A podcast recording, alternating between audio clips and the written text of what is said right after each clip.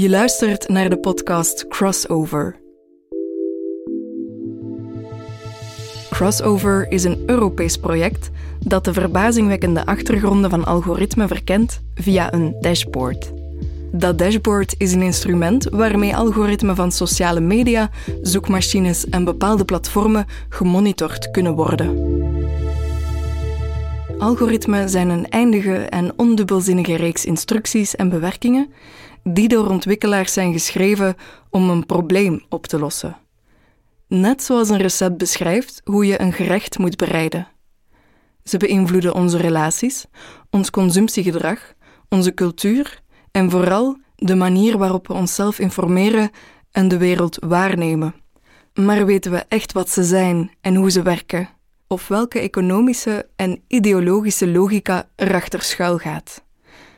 En hoe kunnen we proberen ze te controleren in plaats van ze simpelweg te ondergaan? Algoritmen begrijpen, ze kritisch kunnen analyseren en leren hoe we ons ertegen kunnen beschermen.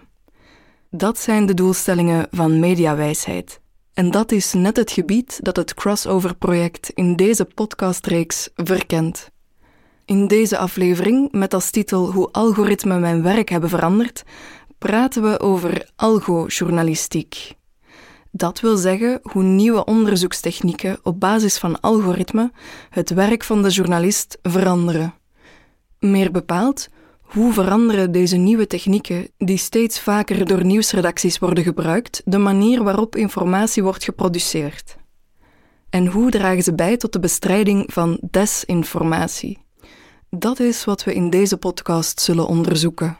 Eerst laten we Hint Vrahi aan het woord. We bespreken met haar hoe algoritmen haar beroep als journalist hebben veranderd aan de hand van de making-of van een artikel dat ze schreef voor de nieuwsite Apache. Hint onderzocht hoe samenzweringen massaal rondgaan op het Odyssey-platform, vaak omschreven als een YouTube van extreem rechts. Vervolgens zal onze expert in media- en informatiegeletterdheid, Zara Momerensi, uitleggen waarom het van groot belang is om bewust om te gaan met dit soort nieuwe mediakanalen en hoe we op andere manieren nieuws kunnen volgen om onze blik te verruimen. Dag Hint. Dag Jan. Hint, jij bent een van de journalisten van Apache die uh, sinds begin dit jaar, sinds begin 2022, onderzoek doet naar algoritmes, vooral op sociale media. Um, kan je ons iets meer vertellen over deze toch nieuwe vorm van journalistiek onderzoek naar een fenomeen dat redelijk nieuw is? Ja, ik ga een poging doen. De term algojournalistiek, algoritmisch journalistiek, is een aanvulling op de beter bekende term datajournalistiek. Ja, bedoelen we eigenlijk een, een aanpak, een benadering die teruggaat tot het einde van de jaren 50, toen uh, statistische gegevens voor het eerst gebruikt werden om uh, precisiejournalistiek uh, te creëren. En tegenwoordig ja, omvat de term alle journalistieke praktijken die gebruik maken van dataverwerking. Dat gaat om informatie sorteren, nakijken, visueel presenteren of uh, zelfs robots gebruiken om artikels te schrijven. En wat er nu gebeurt ja, in, in een prille fase is dat we steeds grotere en preciezere databanken hebben. Die noemen we dan de big data. Dat staat voor, voor het verzamelen en analyseren van een grote hoeveelheid informatiegegevens in een korte tijd. En we gebruiken bijna systematisch algoritmen met kunstmatige intelligentie om, uh, om dat allemaal te verwerken. Algojournalistiek is eigenlijk ja, een onderdeel van datajournalistiek. En dat weerspiegelt zowat uh, mijn, mijn onderzoek binnen Crossover. Ja, jullie onderzoeken binnen Crossover niet enkel uh, algoritmen, maar jullie gebruiken ook algoritmen in dat onderzoek of om dat onderzoek te voeren. Hoe gaat dat precies in zijn werk? Ten eerste doe ik mijn onderzoek uh, op uh, platforms die algoritmes gebruiken, sociale platforms, van Twitter tot uh, Google News tot Facebook, Mastodon. En ik maak dan een selectie in die informatie die mij door deze algoritme worden aangeboden. En ten tweede gebruik ik het dashboard van Crossover, waarmee ik onderwerpen kan bestuderen die op uh, social media naar voren komen, dus die eigenlijk trending zijn en um, die aanbevolen worden door uh, bepaalde algoritmes. Hm. En dus wat er op dat dashboard naar voren komt, zijn de onderwerpen die blijkbaar belangrijk op sociale media zijn. En dan ga je daar verder naar kijken wat daar misschien aan, aan de grondslag van ligt. Dat klopt. We hebben eigenlijk uh, verschillende sociale mediaplatformen die we volgen, die we monitoren. We kijken dan welke uh, onderwerpen, welke informatie daar naar boven komt en daarmee gaan we dan uh, mee aan de slag. Zie je dit als een gewone of een normale informatiebron? Dus het dashboard en wat er op sociale media gebeurt? Ja, dat zijn wel informatiebronnen, maar het zijn geen nieuwsberichten, uiteraard. Het wordt gewoon gepost door mensen of uh, door opiniemakers, door verschillende organisaties of partijen, mediakanalen, al dan niet zelfverklaarde, nieuwsites, noem maar op. Uh, maar die zijn ongefilterd, niet geverifieerd. Dus uh, je moet het natuurlijk wel met enige argwaan bekijken. Het is niet zomaar een informatiebron. Dus het is natuurlijk aan ons om, om die bronnen, zoals alle bronnen, te controleren. En zoals ik al in mijn, hey, tijdens de eerste aflevering van uh, de podcast zei, van deze podcast, namelijk de Keyboard Fighters, ja, komt die informatie die de algoritmen naar voren brengen op social media niet noodzakelijk overeen met de werkelijkheid zoals we die uh, ter plekke aantreffen. Ja. Welk voordeel zie jij als journalist om algoritmen te gebruiken, te onderzoeken? Wat haal je daaruit als journalist? Het is wel zeer handig om een massa informatie te sorteren, te ordenen. En data mining helpt daar eigenlijk wel bij. Met de crossover dashboards kunnen we maatschappelijke trends opsporen. Het laat ons toe om onderwerpen vroegtijdig te signaleren. We volgen bijvoorbeeld uh, ook Odyssey, dat wordt ook wel een, ja, het YouTube uh, of YouTube uh, van extreem rechts genoemd. Het is een videoplatform dat vooral populair is in Amerika. Laten we zeggen al wat minder bekend hier in Vlaanderen. Maar het was toch al interessant om te zien wie daar uh, aanwezig is op dat platform. En dan bleek toch wel dat het Vlaams Belang parlementslid Dries van Langehoven daar een, een kanaal op heeft uh, op een platform waar haatspraak en complottheorieën naadloos samengaan. Dus het heeft toch wel, laten we zeggen, een, een vroegtijdige signaalfunctie in deze case toch. Die dashboards is eigenlijk ook, ja, dat is ook een handig instrument om de economie van de aandacht te proberen te begrijpen of in kaart te brengen. De strijd om aandacht is een soort van wingewest geworden, een virtueel wingewest om de aandacht van het publiek te winnen, worden er natuurlijk ook wel emoties uitvergroot en angst gevoed. Vooral op platformen zoals Odyssey. En ja, dat is eigenlijk heel interessant om uh, die strijd en die economie van de aandacht uh, van dichtbij te kunnen opvolgen aan de hand van algoritmische journalistiek. Ja, die algo-journalistiek biedt mogelijkheden hè, om vroegtijdig trends op te sporen, om misschien eerder dan anderen te zien dat Dries van Langenhoven op Odyssee een kanaal heeft. Maar zijn er ook grenzen aan dit soort journalistiek? Waar moet je voor beducht zijn? Wat zijn de limieten hieraan? Ja, er zijn natuurlijk heel wat limieten aan, omdat algojournalistiek louter een methode is. Het is geen wondermiddel, het zal ook geen surrogaat zijn voor de journalist op zich. Veldonderzoek blijft dus enorm van belang. De informatie die we uit algoritmische verwerking halen, die moeten we ook met voorzichtigheid gebruiken. Er zijn natuurlijk allerlei hulpmiddelen die je vertellen wat het publiek leuk kan vinden of zou moeten vinden, welke onderwerpen in de mode zijn, uh, welke woorden je in, je in een titel kan gebruiken om uh, betere rankings te krijgen. Die tools zijn allemaal zeer nuttig, prettig ook om, om te gebruiken. Kan u ook helpen natuurlijk om die hele grote massa aan informatie te stroomlijnen. Maar er is natuurlijk ja, de journalist op zich, die, uh, die moet filteren, die moet verifiëren, die de bronnen moet nakijken. En dat is niet zomaar te vervangen door een tool. Je geeft het al aan, de journalist blijft belangrijk. De mogelijkheden van algoritmes, ook van artificiële intelligentie, zijn groot of worden toch groot voorgesteld.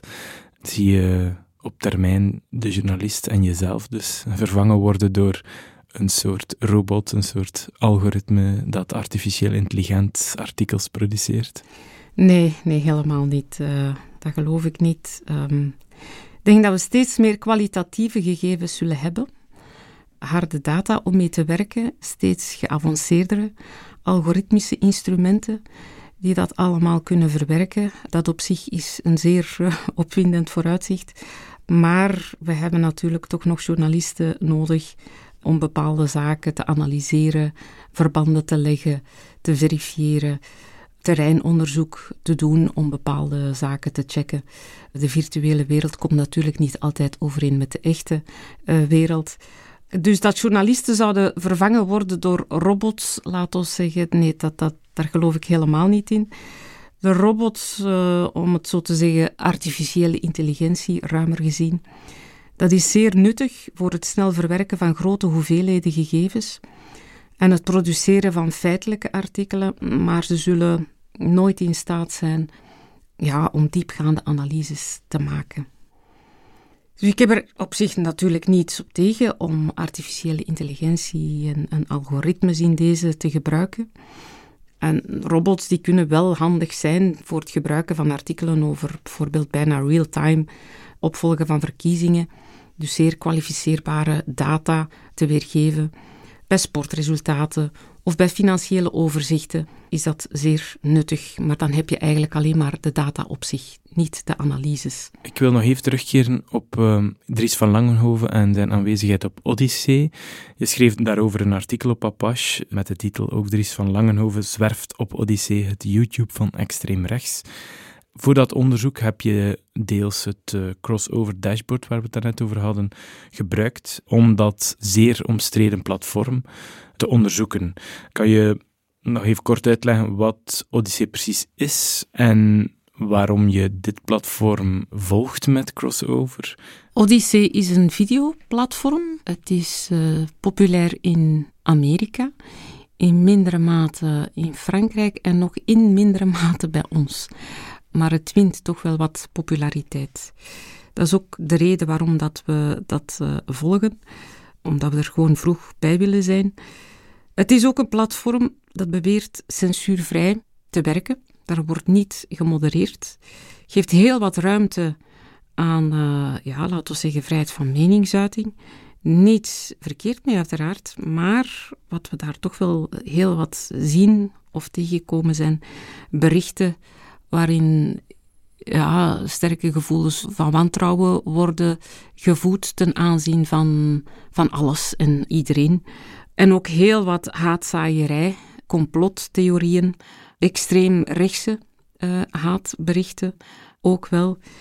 Ja, je kan zeggen van dat is diversiteit, pluraliteit van meningen, maar ja, dat stopt natuurlijk bij, bij racistische of antisemitische of uh, tot geweld roepende uh, postingsberichten. Dus je kan daar heel wat vragen bij stellen. Hè. Hoe censuurvrij een platform wel mag zijn. En we hebben daar dan natuurlijk gemerkt dat er een, een Belgisch parlementair op aanwezig is. Al in een zeer vroege fase zijn de Dries van Langehoven bekend in het Belgische politieke landschap als lid van het Vlaams Belang en oprichter van Schild en Vrienden, die uh, in opspraak zijn en vervolgd zijn voor internetmemes die oproepen tot, tot racisme, antisemitisme en geweld. En hoe heb je dat onderzoek naar specifiek het kanaal van Dries van Langenhoven op Odyssee uh, aangepakt? En waarom dan Van Langenhoven? Was hij de enige uh, Belg of uh, Vlaming van belang die al aanwezig is op Odyssee? Was, was dat de reden? De reden was eigenlijk ook um, berichten over monkeypox, apenpokken. Dat kwam zowat bij ons op de radar, op de virtuele radar, en we wilden daar wat verder op inzoomen. En uh, we zagen dat vooral trending op het videoplatform Odyssey, in mindere mate op andere media. En dan, ja, beetje bij beetje kom je dan op het oefenterrein van een jonge generatie rechtsextremisten, zijn de Odyssee, waar dus uh, Dries van Langehoven ook al een kanaal op heeft. Niet toevallig tijdens uh, de pandemie heeft hij daar dan zijn kanaal gestart ja, laten we zeggen, in, in de slipstream van heel wat ja, kritiek die, die kwam tegen de, de coronamaatregelen, noem maar op. Mhm. En hij, bouwt daar een soort community uit van gelijkgestemden. Oh, dat is eigenlijk een heel kleine community hoor. Als je het vergelijkt met uh, echte YouTube, daar heeft hij heel wat pak meer volgers dan op Odyssey.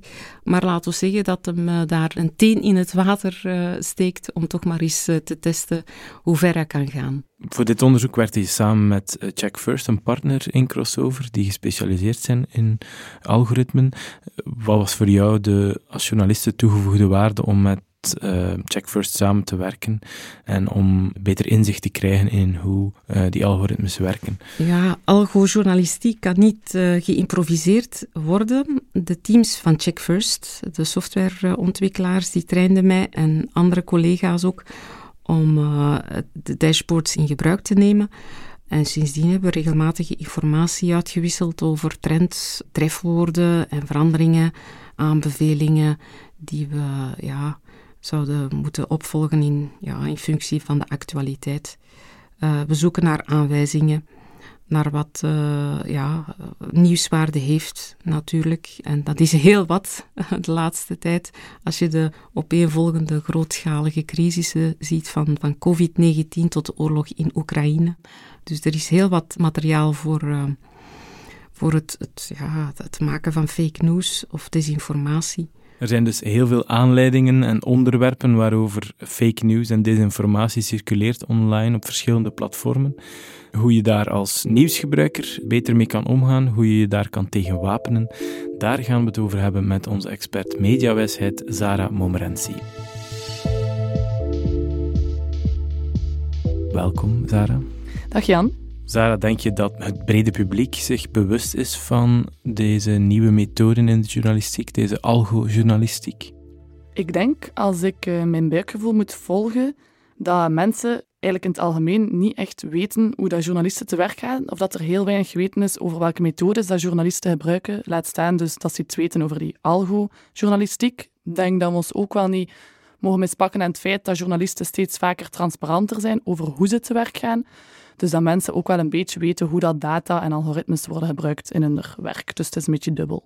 Dus het is een dimensie die mediawijsheid wel in rekening brengt. Zeker weten. Ja, dat bestuderen en begrijpen van die algojournalistiek kadert eigenlijk voor ons binnen algoritmewijsheid en eigenlijk breder binnen eh, datawijsheid. Zeg maar dat als individu over de nodige kennis, attitudes en vaardigheden beschikt om eh, actief, kritisch, creatief en heel bewust om te gaan met data te gebruiken, ook data te begrijpen en ook te snappen welke impact dat eigenlijk heeft op ons uh, leven.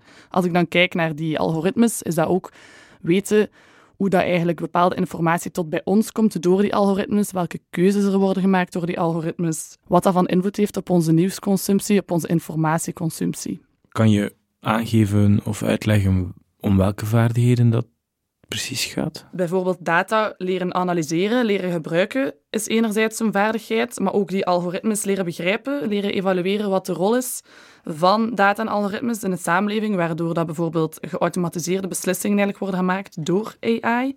Dat gaat ook over weten dat algoritmes niet volledig kunnen vatten hoe dat we eigenlijk als mensen denken, wat dat we doen. Ook machines die kunnen nu eenmaal niet onszelfde normen en waardepatroon als uh, mensen aanleren. Ook weten dat algoritmes niet neutraal zijn, is heel belangrijk. Is kennis die je moet hebben. Als we dan kijken binnen onze, die nieuwe context van nieuwsproductie, die gekoppeld is aan algoritmes, kunnen we met al die vaardigheden eigenlijk ook betere keuzes maken in welke media dat we consumeren, denk ik. In welke informatie dat we tot ons nemen en dat we bijvoorbeeld kritische keuzes kunnen maken, dat we media gebruiken die bijvoorbeeld ondersteund wordt door fact-checking tools. Ik zou ook zeggen, bijvoorbeeld als we het hebben over dat dashboard, dat wordt gebruikt ook in het onderzoek waar dat Hint het al over had, um, dat meer gevorderden zeker al zulke instrumenten zoals dat dashboard kunnen gebruiken als ze zelf twijfelen over dingen, als ze zelf iets willen onderzoeken, als ze hun eigen analyses willen doen. Ja. We komen even terug op het artikel waar we het eerder al over hadden met Hint, uh, over Odyssey, het platform waar complottheorieën en dergelijke welig tieren. Wat kan er worden gedaan om, om te voorkomen dat mensen in zo'n samenzwering ja, uh, verdwijnen of zichzelf uh, verliezen in zo'n complot door actief te zijn op deze platformen? Hè? Hoe zorgen we dat ze niet in de rabbit hole terechtkomen? Ik denk dat er daar meerdere antwoorden op zijn. Ik denk dat het enerzijds gaat over kennis hebben van um, weten inderdaad hoe dat je informatie verwerkt wordt op sociale media, kennis hebben over die platformen. Dat is heel moeilijk, want er komen er steeds bij, die gaan er weg. Dus daar is niet echt een eenduidig antwoord op. Ik denk ook inderdaad je bewustzijn dat er zoiets bestaat als een, als een filterbubbel, dat er dingen zijn als echokamers.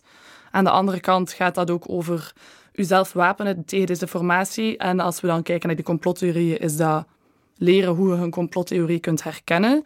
Weten waarom mensen ook bepaalde desinformatie en complottheorie gaan verspreiden, wat dat hun intenties zijn. Ik denk dat dat heel belangrijk is. Denk dat je vooral als nieuwsgebruiker gewoon heel kritisch moet zijn. Je moet nog steeds natuurlijk op sociale media leuke dingen kunnen en willen doen, maar toch ook wel bewust zijn van wat er daar allemaal speelt. Odyssee zet zichzelf in de markt als een soort vrijplaats uh, waar de vrijheid van meningsuiting absoluut is, waar er geen censuur is. Dat is een um, slogan of een riedeltje dat ook nu bij Twitter weer klinkt sinds uh, Elon Musk het platform heeft overgenomen. Hij belooft ook, of hij beloofde ook, absolute uh, vrijheid van meningsuiting. Hoe kijk jij daarnaar? Goh, die vrijheid van meningsuiting is een beetje een, een ethisch vraagstuk, denk ik. Van, allez, of de vraag, wat is vrije meningsuiting? Waar begint dat? Waar eindigt dat? Wat is de grens met discriminatie, met haatspraak? Wie bepaalt wat gezegd mag worden, wat niet gezegd mag worden? Het is heel eng om te denken dat dat nu één persoon is, Elon Musk op aarde eigenlijk, die dat gaat bepalen. Ik denk dat je je bewust moet zijn dat wat je bijvoorbeeld op Twitter of op andere uh, platformen leest, ziet en hoort, dat dat zeker niet allemaal klopt. Maar ik denk dat je ook zelf als gebruiker gewoon um, heel kritisch moet zijn of heel bewust moet zijn van wat je post en wat je doet online. Dus een kritische en bewuste internetgebruiker is er twee waard. Is dat een goede samenvatting? Dat lijkt mij een goede conclusie.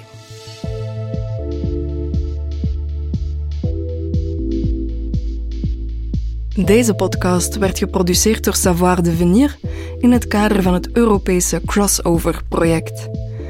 Dit project werd gefinancierd door de Europese Unie. Verantwoordelijk voor het concept Sophia Amadi en Pascal Garot. Verantwoordelijk voor de technische productie Marieke Rimo en BNA BBOT. Verantwoordelijk voor de redactie Savoir Devenir en Apache.